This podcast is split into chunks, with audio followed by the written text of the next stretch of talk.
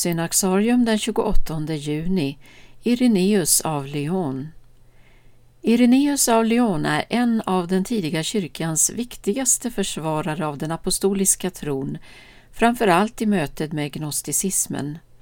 Han föddes i början av 100-talet i Smyrna i Mindre Asien. Till skillnad från många av sin samtids biskopskollegor växte han upp i en kristen familj.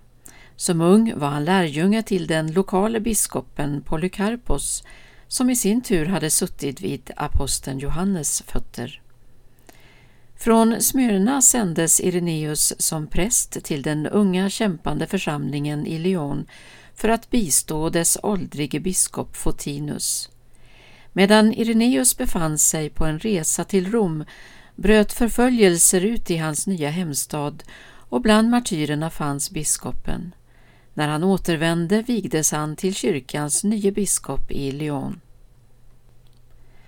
Under det andra århundradet hotades kyrkan inte bara av förföljelser utifrån utan också av irrläror i de egna leden, i synnerhet av en mångfald av gnostiskt färgade tolkningar av evangeliet.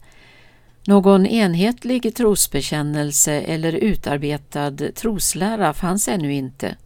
De kristna hade inte ens en gemensam bibel.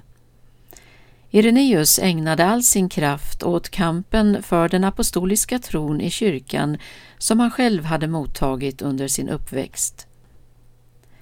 Han skrev en rad böcker, bland andra Mot heresierna och Bevis för den apostoliska tron, där han både vederlägger heresin och argumenterar för den apostoliska tron. Gnostikerna ställde Gamla testamentet mot Jesu undervisning men Ireneus betonade Guds uppenbarelsens enhet från Israel till Kristus. Mot gnostikernas förakt för kropp och materia framhöll Ireneus skapelsens godhet och gudomliga ursprung.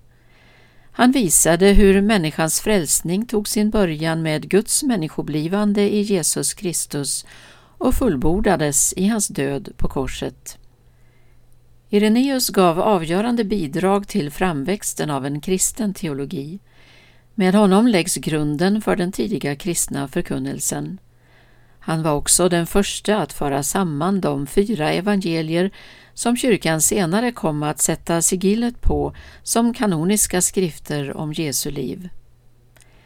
Trots att Ireneus fick ägna så mycket av sitt liv åt att kämpa för evangeliets överlevnad var han inte en stridens man. När en konflikt uppstod inom kyrkan om datum för påskens firande ryckte han omgående ut för att försöka försona de stridande parterna. På så sätt, skriver kyrkohistorikern Eusebius, levde han upp till sitt namn. Ireneus betyder fridsstiftare.